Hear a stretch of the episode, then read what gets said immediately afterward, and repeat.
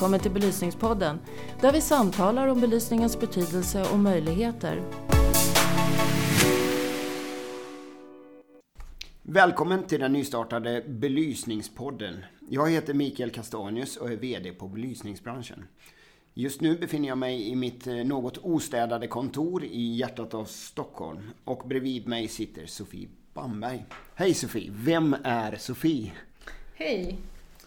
Eh, Sofia Sofie är ehm, en eh, snart 36-årig eh, Västeråstjej som har ehm, bott i Stockholm de senaste 10 åren och jobbat här med just ljusdesign. Eh, jag ehm, har två barn och bor ute på Ingarö och har mycket skärgårdsliv i min vardag när jag inte är här inne i stan och jobbar, med, jobbar på med mina projekt inne på Mariatorget där jag sitter idag. Och du jobbar sedan 2015 på Black Ljusdesign här i Stockholm. Ja, det stämmer. Eh, hur kom det sig att du valde ljusdesignyrket? Eh, oh, det var ganska oklart faktiskt. Jag, eh, jag visste egentligen ingenting om det här yrket skulle jag säga när jag, när jag ramlade in på det. Jag eh, har egentligen sedan, sedan tidigt velat att jag, vetat att jag vill jobba med någonting skapande av något slag och varit väldigt inne länge på ja, men att jag ville jobba med, med inredning kom, ja, det kom ganska tidigt. Men eh, innan dess så var jag inne på allt från bildlärare till olika ja, konstlinjer och sådär. Eh, så det hade jag liksom varit inne på länge. Men, eh, och så sökte jag en massa skolor. Jag var ute och reste efter studenten och kunde inte bestämma mig. Så sökte jag en massa skolor.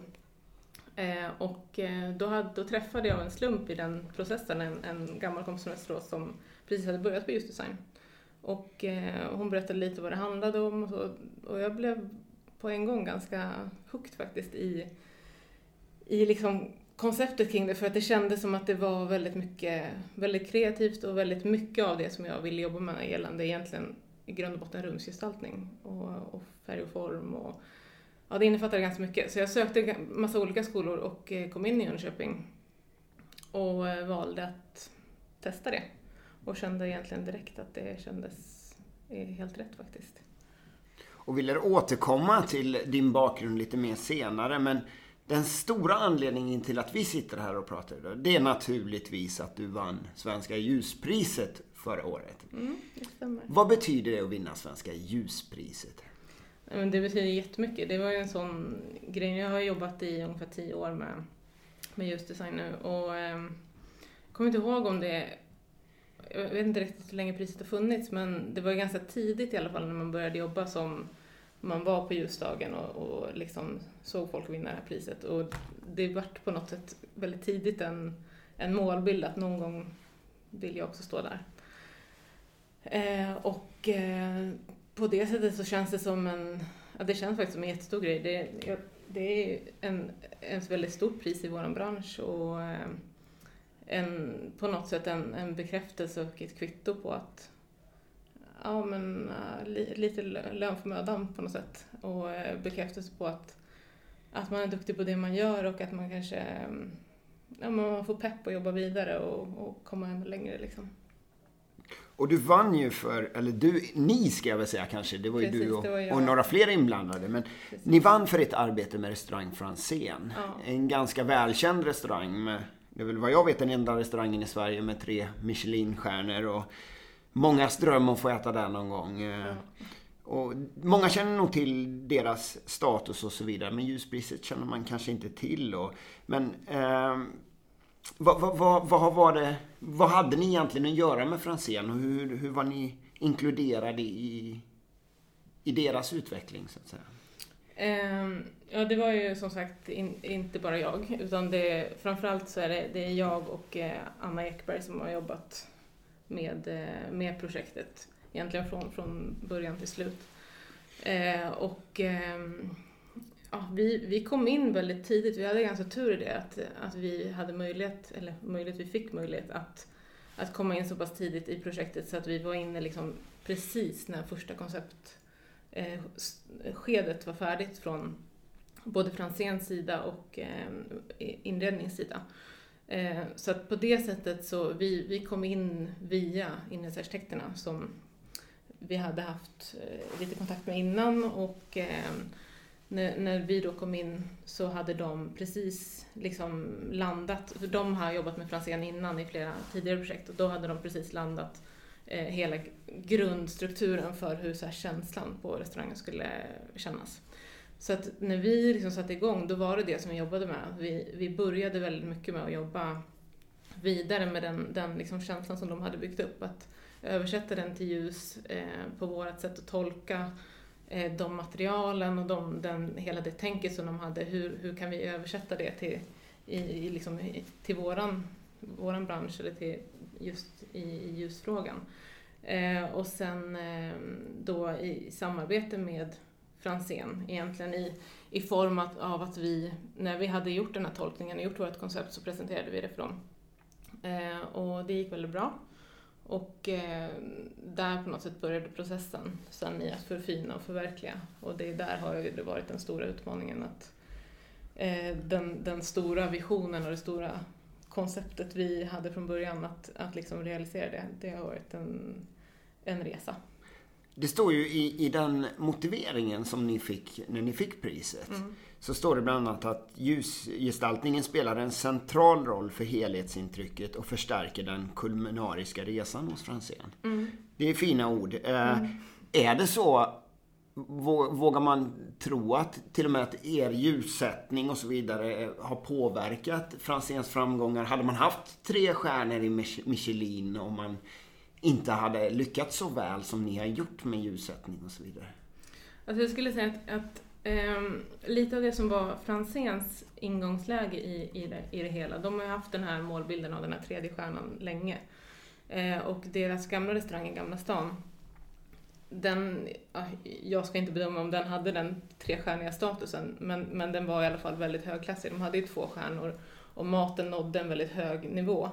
Eh, men det som var problemet var att eh, för att få tre stjärnor då måste även helheten vara med, alltså upplevelsen av restaurangen i form av både service, eh, atmosfär, allt sånt spelar in i den här tredje stjärnan.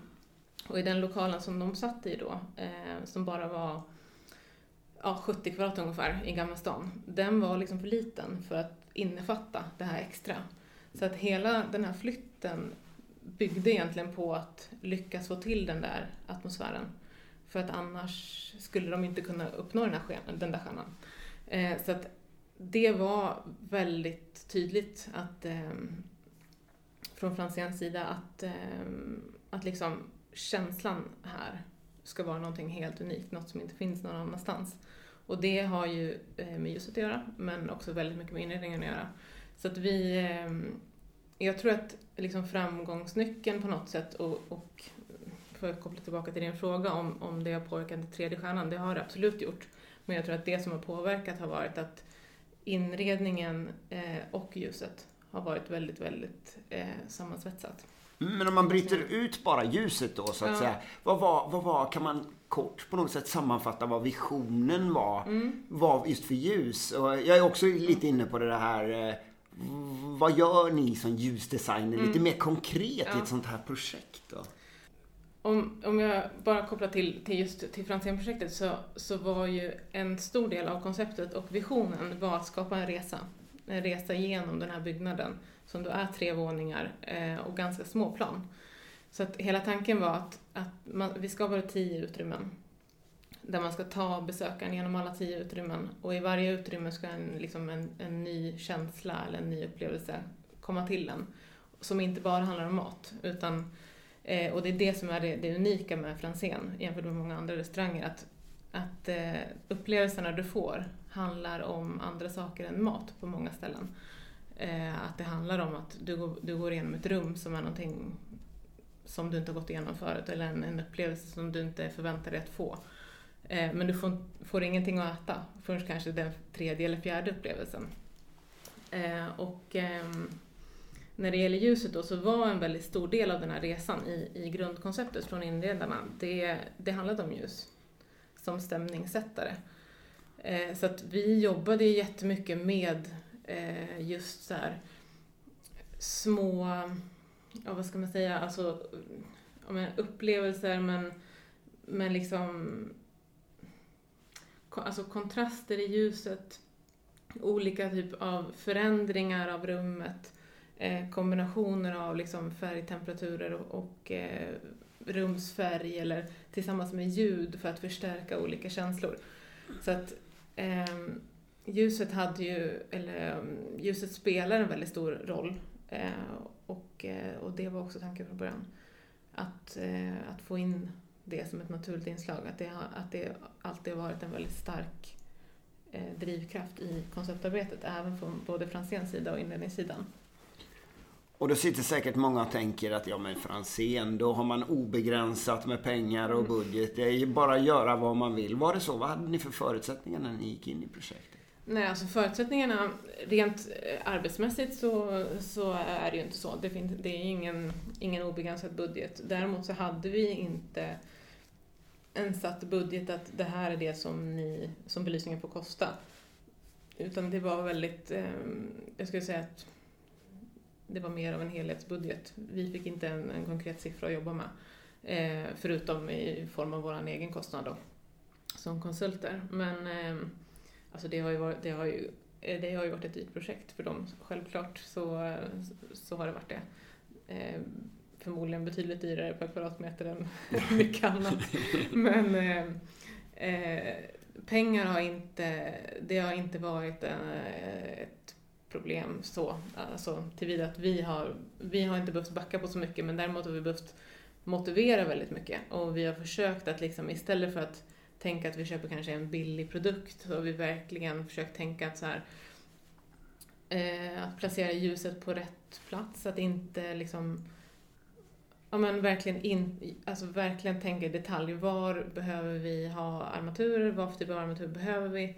Och eh, med motivationen då att vi behöver den här armaturen av den här anledningen, då har det, det varit Alltså då har det varit så. De har inte liksom varken för våran del eller för någon annan del eh, alltså velat på, på det, det, konceptet som de verkligen vill ha, det har de inte hållit på och bantat på för att spara pengar utan då har, de, har vi försökt tänk, då får man tänka om helheten i så fall. Inte så klippa ut små delar, att ta bort den här eller ta bort den här utan har det varit någonting som har blivit rasande dyrt då har vi fått tänka om eh, liksom helheten. Och ni har fått ganska fria tyglar eller har herr Franzén himself varit inne och tyckt till och, och mycket själv eller? Alltså han har, han har haft eh, jättemycket att säga till om. Inte så mycket gentemot oss, eh, skulle jag säga. Alltså vi har haft avstämningar med honom och de, de har ju varit väldigt viktiga sign-offs för att kunna fortsätta. Om han, om han inte hade tyckt att det var bra, då hade vi fått göra om det. det så hade det varit.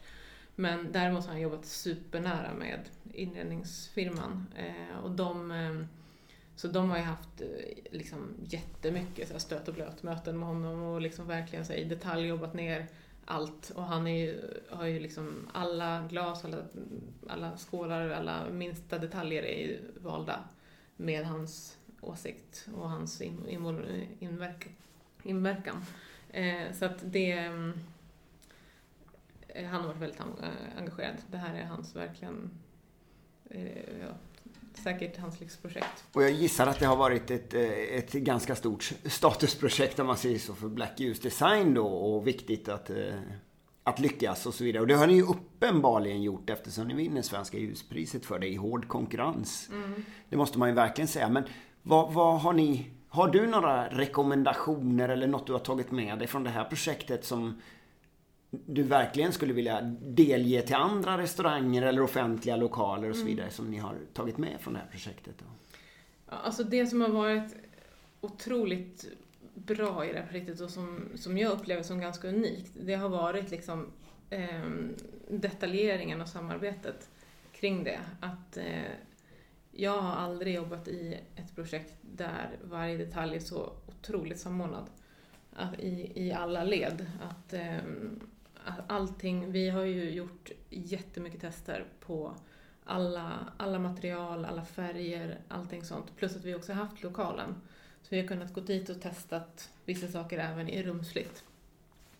Eh, men att, att liksom från att vi har suttit och liksom tittat eh, på små glasskivor eller eh, olika väggfärger med olika färgtemperaturer till att vi har jobbat jättenära med installatörerna för att verkligen se till att, och leverantörerna, att verkligen se till att okay, den här detaljen som vi har ritat på här nu, det, förutsättningen är två millimeter och dit eller dit, det här måste sitta så här, annars går det inte, det kommer inte funka. Eh, att alla har strävat sjukt mycket för att uppnå det. Och det har varit unikt. Du pratar mycket om samarbete och det är inte... Ni har vunnit priset och mm. gjort stora jobbet men det har ju varit fler inblandade. Ja. Eh, har det funkat bra i det här projektet? Och, eller är det som så att det fungerar generellt bra i alla projekt? Eller har det gått Nej, extra bra i det här ja. projektet och har ni fått till det väldigt väl här? Eh, jag, jag, skulle säga att det har fungerat eh, väldigt bra i det här projektet. Unikt bra. Det är verkligen inte en självklarhet. Det är inte så himla ofta som vi är med ända fram till liksom slutsekunderna som vi var här. Eh, och det, det är en ganska avgörande faktor, att man eh, liksom få vara där på plats ända fram tills allting precis är färdigt. För att de här små detaljerna med att bara rikta ljuset på exakt rätt ställe, se till att, att det sitter där det ska, att, eh, ja, men att saker som ska vara dolda är dolda. Små grejer, samma sak med programmering av liksom, eh, olika ljusscener och så, att, att vi verkligen Ja, vi var ju där nästan varje dag hela sista månaden för att verkligen så finjustera saker hela tiden. Och det tror jag är avgörande, för hade vi inte varit det, då hade det varit jättemånga saker som man kommer dit när de redan har öppnat och ser att, ah, vad synd att den där sitter en decimeter åt det där hållet. Alltså det var så pass detaljerat så att de, det handlar om centimeter på så många ställen. Och då måste man nästan vara där. Hur har samarbetet varit med, med tillverkare utav belysning så att säga? Eh, kan de leva upp till de höga krav som ni har ställt i det här projektet på ny teknik eh, kring belysning, belysningsstyrning och så vidare? Eh, jag, jag skulle säga att, att de har det och att det absolut finns en, en marknad nu som är så pass bra att det finns utbudet finns där ute. Och det är inte så, alltså det behöver inte vara så mycket som är special heller för att faktiskt få fram den här kvaliteten. För det är inte så, vi har inte så komplicerade lösningar egentligen i, i det här projektet. Däremot det som har kunnat vara svårt, det har varit att vissa grejer har varit installationstekniskt svåra på grund av att det har varit ett gammalt hus eller att det har varit liksom nya produkter på marknaden som installatörerna inte tidigare har jobbat med och så. Eh, men där har vi fått jättemycket stöd av leverantörerna som också har varit mycket på plats och hjälpt installatörerna att, att få fram och få ihop det liksom. Eh, de sista detaljerna och om det är någonting som saknats och sådär. Så att jag skulle säga att vi har haft jättemycket stöd hos leverantörerna. Och vi har jobbat jättenära med styrkonsulten också för att verkligen få fram eh, alltså att, att de förutsättningarna som vi, som vi har gjort och som de, så som vi vill att det skulle se ut och upplevas, det har vi tidigt kommunicerat till eh, styrkonsulten. Och eh, det är också det som de har jobbat jättehårt för att, för att det, det ska bli så. Så att jag skulle säga att, att det har varit det har varit jättenära samarbete och jättebra samarbeten.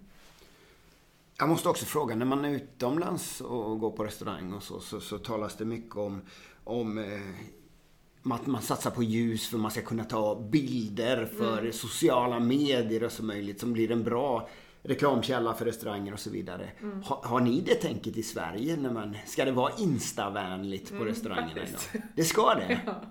Alltså det, det, var faktiskt, det var första gången som jag hörde om det i det här projektet. Att, eh, att man ska kunna ta bra bilder på sin mat. För det, det är ju en jättestark marknadsföring för en, en restaurang som Franzén. För nästan ingen går dit man går oftast bara dit en gång i livet, eller två kanske. Eh, så går du dit och du har sociala medier så kommer du lägga ut det. Du kommer ta bilder på din mat, du kommer lägga ut det. Det är en jätte, jättebra kanal. Ehm, eh, och därför så måste det kunna gå att ta bra bilder. Så att vi testade det ganska mycket faktiskt. Med, eh, så att det inte skulle bli konstiga skuggor och så att verkligen färgerna skulle liksom uppfattas på rätt sätt och sådär.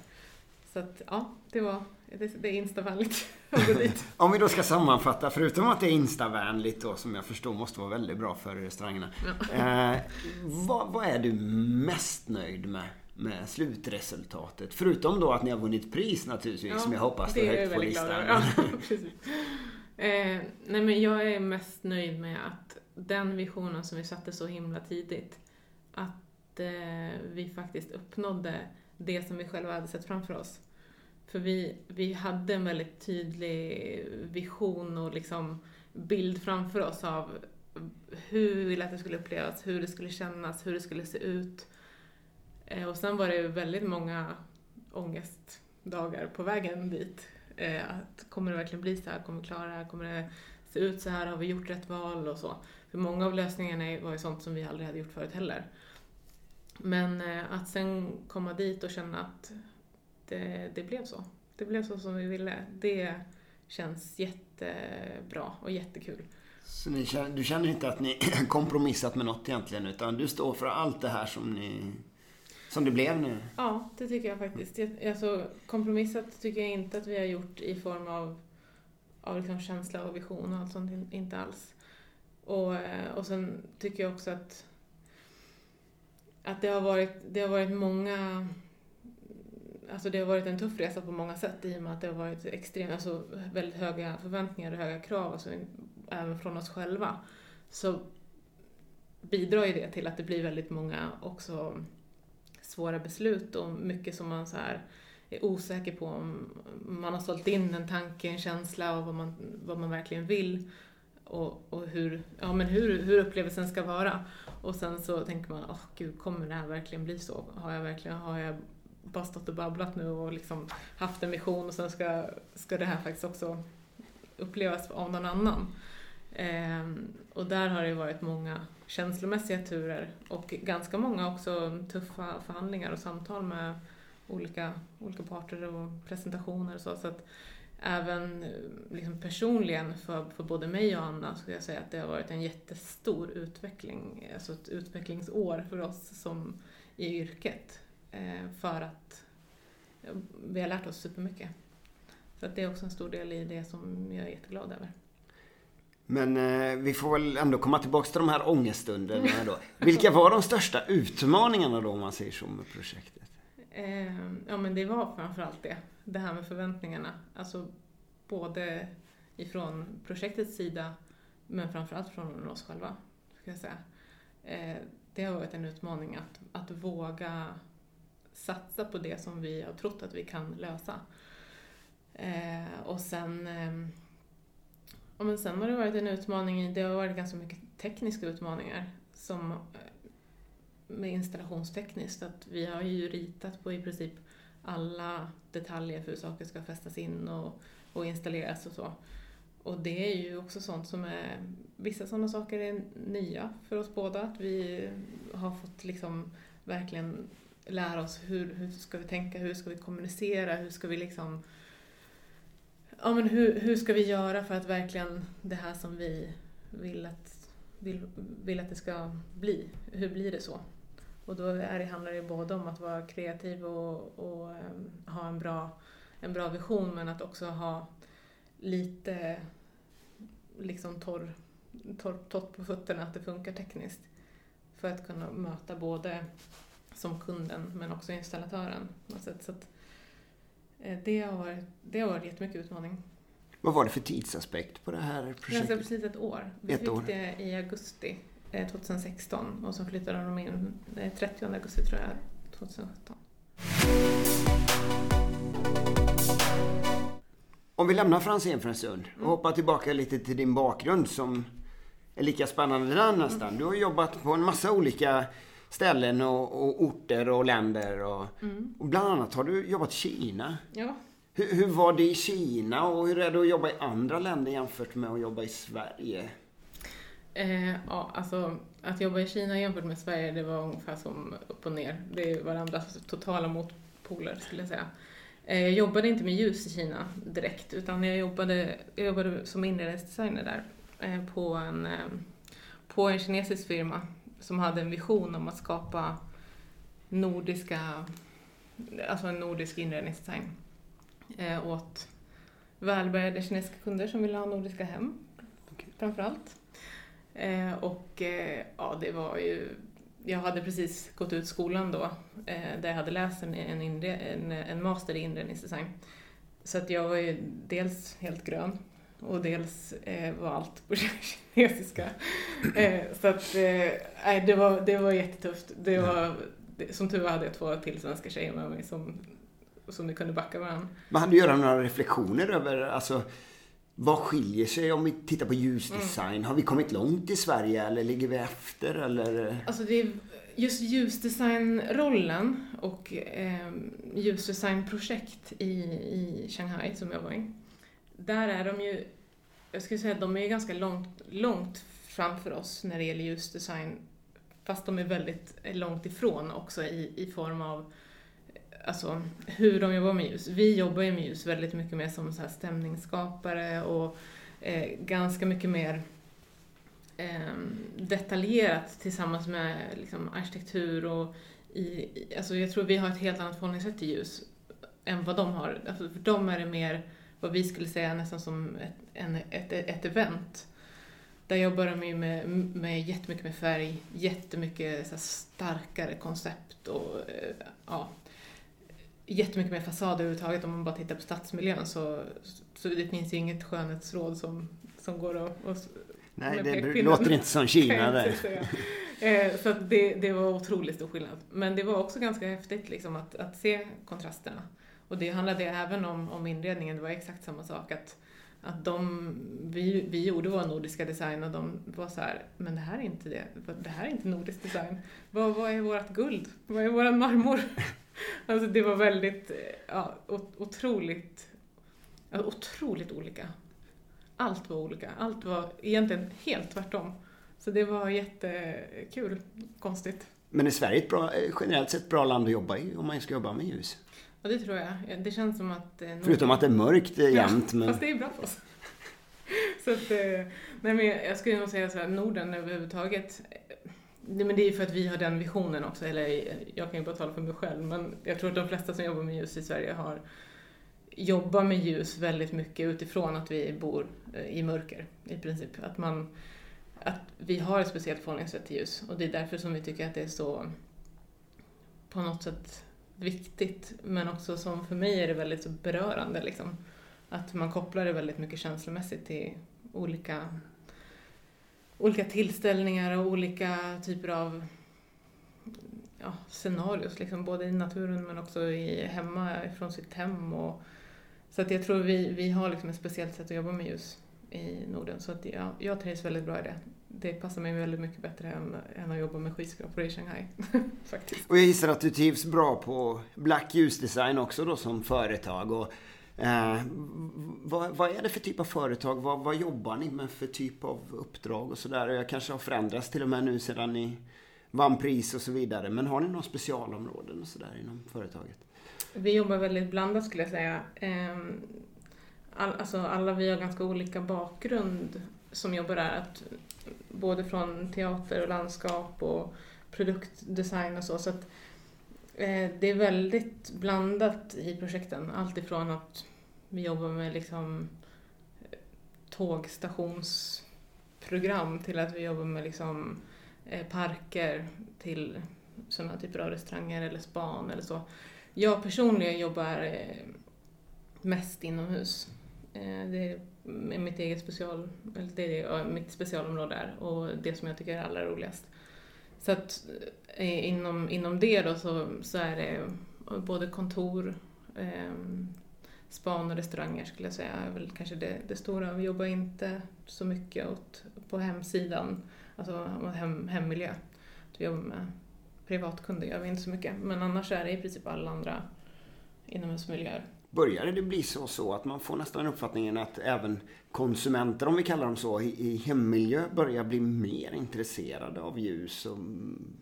Ja, det tror jag. Jag tror att det, det jag tror absolut det. Och jag tror att det på något sätt har också blivit lite intvingat i och med att det har varit så stor förändring i, inom ljuskälleområdet, vilket är det som, som man som privatperson är det man relaterar till oftast.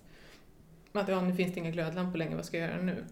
Och då har, tror jag också att folk har också börjat se ljus på ett annat sätt. Att förut hade du, alla hade sin glödlampa och det såg ungefär likadant ut hemma hos alla. Liksom. Men sen eh, från att man har en dålig energilampa så tycker man att det är någonting som känns konstigt i den här miljön nu. Eh, det är inte alls lika mysigt över mitt köksbord längre.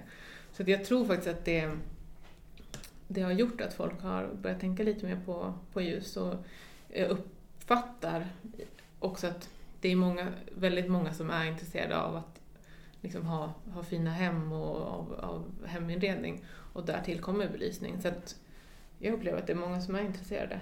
Det är många så här, som man känner som frågar om råd och tips och sådär. Så det tror jag faktiskt, att det, medvetenheten blir större. Men vad jobbar du nu med för spännande projekt? Eller du, firman kanske säga, Black. Vad, vad, vad, vad, har ni några spännande projekt på gång som vi kan se nominerade kanske till ljuspriset framöver? Um, jag jobbar just nu med, eh, jag jobbar med ett spännande stort kontorsprojekt i Berlin. Det är väl det som jag jobbar med allra mest för det är, ja, det, är det största projektet som jag har. Eh, och sen så jobbar vi med ett eh, ytterligare ett Franzén-projekt. En ny restaurang som ska öppna 2020. Mm, det är spännande. Och sen, eh, ja, vad jobbar vi med? Jo, sen har vi ehm, ett av de andra projekten som var nominerade också till just priset som var Energimyndigheten.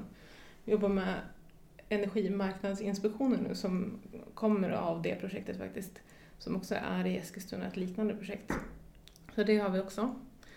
Eh, och sen är det en del eh, exteriöra projekt, exteriöra projekt som är ehm, eh, lite parker och lite kyrkor och lite så längre stråk runt om i Stockholm.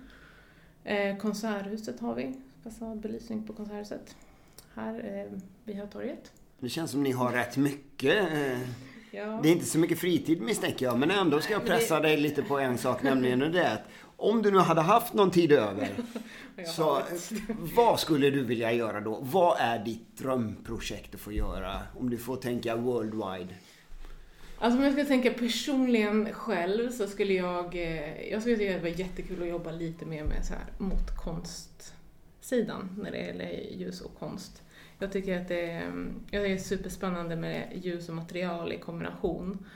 Att, eh, vilket också är en sån grej som jag ofta lyfter in i, i mina projekt. Att jobba med, blanda liksom. Att ljus inte bara är det som lyser utan vad händer med ett material som möter ljuset och sådär. Så det ska jag tycka är jättespännande att jobba med, med konst i offentlig miljö i kombination med, med ljus. Att ha något, eh, få något konst någon konstyta liksom på ett torg eller att få jobba med, tillsammans med någon, någon konstnär med det. Jag skulle supergärna vilja jobba med något projekt med kanske Olafur Eliasson, hade varit superspännande, att göra sådana typer av, av konstprojekt som han gör. Eh, det hade varit roligt att, mm, och jobba med något som ehm, med någon som riktigt stor arkitektfirma, jobba med kanske med BIG eller ja, med någon något sånt riktigt stort, häftigt projekt som man skulle, det skulle vara kul att internationellt jobba med något stort projekt och, och få se hela den projektprocessen. Men sen skulle jag tycka det var superspännande också att jobba mot, eh, göra något så konstgalleri eller ja, men lite som till exempel Nationalmuseum känns superinspirerande. Alltså något, något sånt hade varit roligt. Mm. Och när vi då pratar framtid och drömmar så har du funderat någonting kring hur du tror att din roll, eller ljusdesignen som man säger så generellt sett, hur kommer rollen att förändras tror du? Det händer ju så otroligt mycket med ny teknik och allt möjligt. Hur tror du din roll? Har ni funderat någonting på det? Hur kommer den se ut framöver? Ljusdesigners roll tror jag fortfarande är väldigt eh, mycket på väg uppåt. Alltså på, jag skulle säga på de tio åren som jag har jobbat så tycker jag att rollen har förstärkts otroligt mycket i, i eh, bygg, in, inom liksom byggprocessen eller i, i, hela, hela branschen av arkitekter och, och så, eh, så skulle jag säga att jag, jag, tror att jag tror att ljusdesignen kommer få en, en ännu tydligare roll, eh, en mer självklar roll i projektgrupper. För fortfarande är det många projekt där vi inte är med. Alltså där det bara finns med en elkonsult och en arkitekt. Och vi på något sätt är ju handen de, emellan de två. Och det tror jag kommer behövas mer och mer. Att, att liksom finnas med som en naturlig del i, i projekt för att uppfylla arkitektens vision och möta elkonsultens krav eller förstå båda sidorna. Så att jag tror att det, det är ett yrke som, som man absolut kan, kan satsa på och, och liksom, jag tror det finns en jättebra framtid. Det, det känns som ett jättespännande Belysningsbranschen gjorde en undersökning bland arkitektkontoren. Mm. Och jag blev väldigt förvånad. Förvånansvärt många utav arkitektkontoren använder sig inte utav ljusdesigners. Mm. Utan anser sig klara det själva. Och det kanske mm. de gör, det kan jag inte bedöma. Men det förvånade mig mycket. Mm. Tror du förändringen kommer ske inom arkitektbyråerna också? Att ja, ljusdesignen kommer att få högre status som man säger? Ja, det tror jag absolut. Och det är fler och fler arkitektkontor som anställer egna ljusdesigners.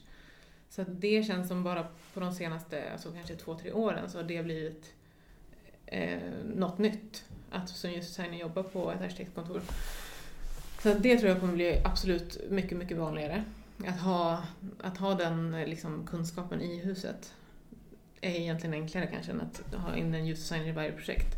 Så det tror jag absolut, det, det, är jag ganska säker på att det kommer vara många fler av oss eh, ljusdesigners som kommer sitta på arkitektkontor och jobba direkt med arkitekterna på det sättet. Bör en ljusdesigner vara med i varje byggprojekt? Nej, alltså de behöver, det, det skulle jag inte säga att de behöver vara med i kanske alla byggprojekt. Men jag tror att där är framför allt där det är ehm, ja, i, i, i liksom stora, stora projekt där, där det finns en klar vision. Jag kan tänka mig att kanske i alla hyresgästanpassningar och sånt där, där, det, liksom finns, det finns en kund som vill ha en unik personlig prägel på någonting. Där skulle jag säga att, att det behövs. För oftast är det det som glöms bort. Att någon flyttar in i, i en byggnad och så ska ett, i ett kontor till exempel. Och så, så målar man om allting och man byter alla material och man flyttar om stolar och man gör ny möblering. Och sen ligger liksom fastighetsägarens belysning kvar. Och det är ändå ingen som tycker att det känns toppen att sitta där. Så att jag tror att i, i, i många projekt så, så behövs vi. Det är inte alltid att vi behövs till att, att liksom göra alla handlingar och finnas i detalj. Men som, stå, som stöd och, och råd och framförallt att vara den där länken mellan arkitekt och eh, elkonsult. Det tror jag är eh, jätteviktigt faktiskt. Och det tror jag kommer bli vanligare. Och det underlättar om du har kunskapen inhouse som mm. arkitekt. Det är väl ganska lätt att göra fel på det där. Inte minst när man sitter i kontorslokaler och så, mm. och så vidare med, med samma lösningar överallt. Och mm. Många, jag har hört folk som springer iväg och köper nya tangentbord för det blänker så i dem. Mm. Men man funderar liksom inte på om det verkligen är tangentbordet eller om det är nej, belysningen nej. som det är fel på. Nej, och, och där tror jag också att det börjar bli en större medvetenhet faktiskt. Och det har också, tror jag, haft att göra med just den här liksom, teknikutvecklingen. Att många, många byggnader och även eh, exteriöra miljöer har varit tvungna att byta ut sina gamla armaturer eller ljuskällor och då blir det ju, då måste man tänka till så här, ah, okej men vad ska vi byta till, vad finns tillgängligt och så. Så att jag, jag tror att den här, den här teknikutvecklingstiden som har varit eh, stökig på, på många sätt, många grejer som har varit dåliga och så, den börjar ju landa nu och då tror jag att, att, eh, ja, men att jag tror att den har liksom väckt ett intresse för ljus faktiskt. Och eh, många blir jag upplever att många är mer medvetna, både folk som sitter på kontor, att de kan ifrågasätta sin, sin belysning och förstå att det är den som är problemet, eh, till att jag tycker att många i uppdrag, alltså både projektledare, arkitekter och så, att de är mycket mer medvetna än vad jag tycker att det var för tio år sedan. Och energifrågan kommer ju också naturligtvis in mm. allt oftare i företagen. De man märker att man sparar ja. ganska mycket pengar på, på rätt belysning. Mm. Sofia, jag skulle faktiskt vilja avsluta det här samtalet med två konkreta frågor mm. som jag är nyfiken på. Den ena är vem du skulle vilja höra i den här podden framöver. Och den andra är jag ännu mer nyfiken på. Det är om du själv har käkat på Franzén någon gång. Ja, det har jag faktiskt. en gång har jag ätit Var det så bra som man kan tro? Ja, det var faktiskt magiskt. Det ska jag säga. Det var faktiskt det. Det var... Jag, jag har inte ätit på så många sådana superfinkrogar innan så jag har inte så mycket att jämföra med men det var det var en faktiskt helt fantastisk upplevelse. Framförallt så tycker jag att det som var eh, den, den stora mm, skillnaden, alltså maten var ju supergod och det, det hade man ju väntat sig att den skulle vara. Men så här, servicen och känslan och ja, men hela upplevelsen, det var verkligen en upplevelse. Det var, ja, jag var jätteimponerad. Och den andra frågan då? Vem, vem, vill du att vi, vem skulle du kunna tänka dig att lyssna på i den här podden? Ja, ehm, jag hade tyckt att det var väldigt intressant att lyssna på, nu, nu säger jag inget, inget specifikt namn här nu för jag kommer inte på, men att lyssna på någon som, som jobbar med ljus för liksom superlänge sedan.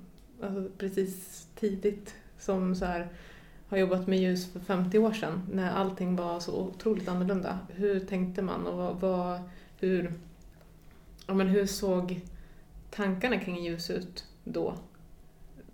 När, när liksom på något sätt det här yrket var i princip obefintligt men så fanns ju ändå folk som jobbade med det.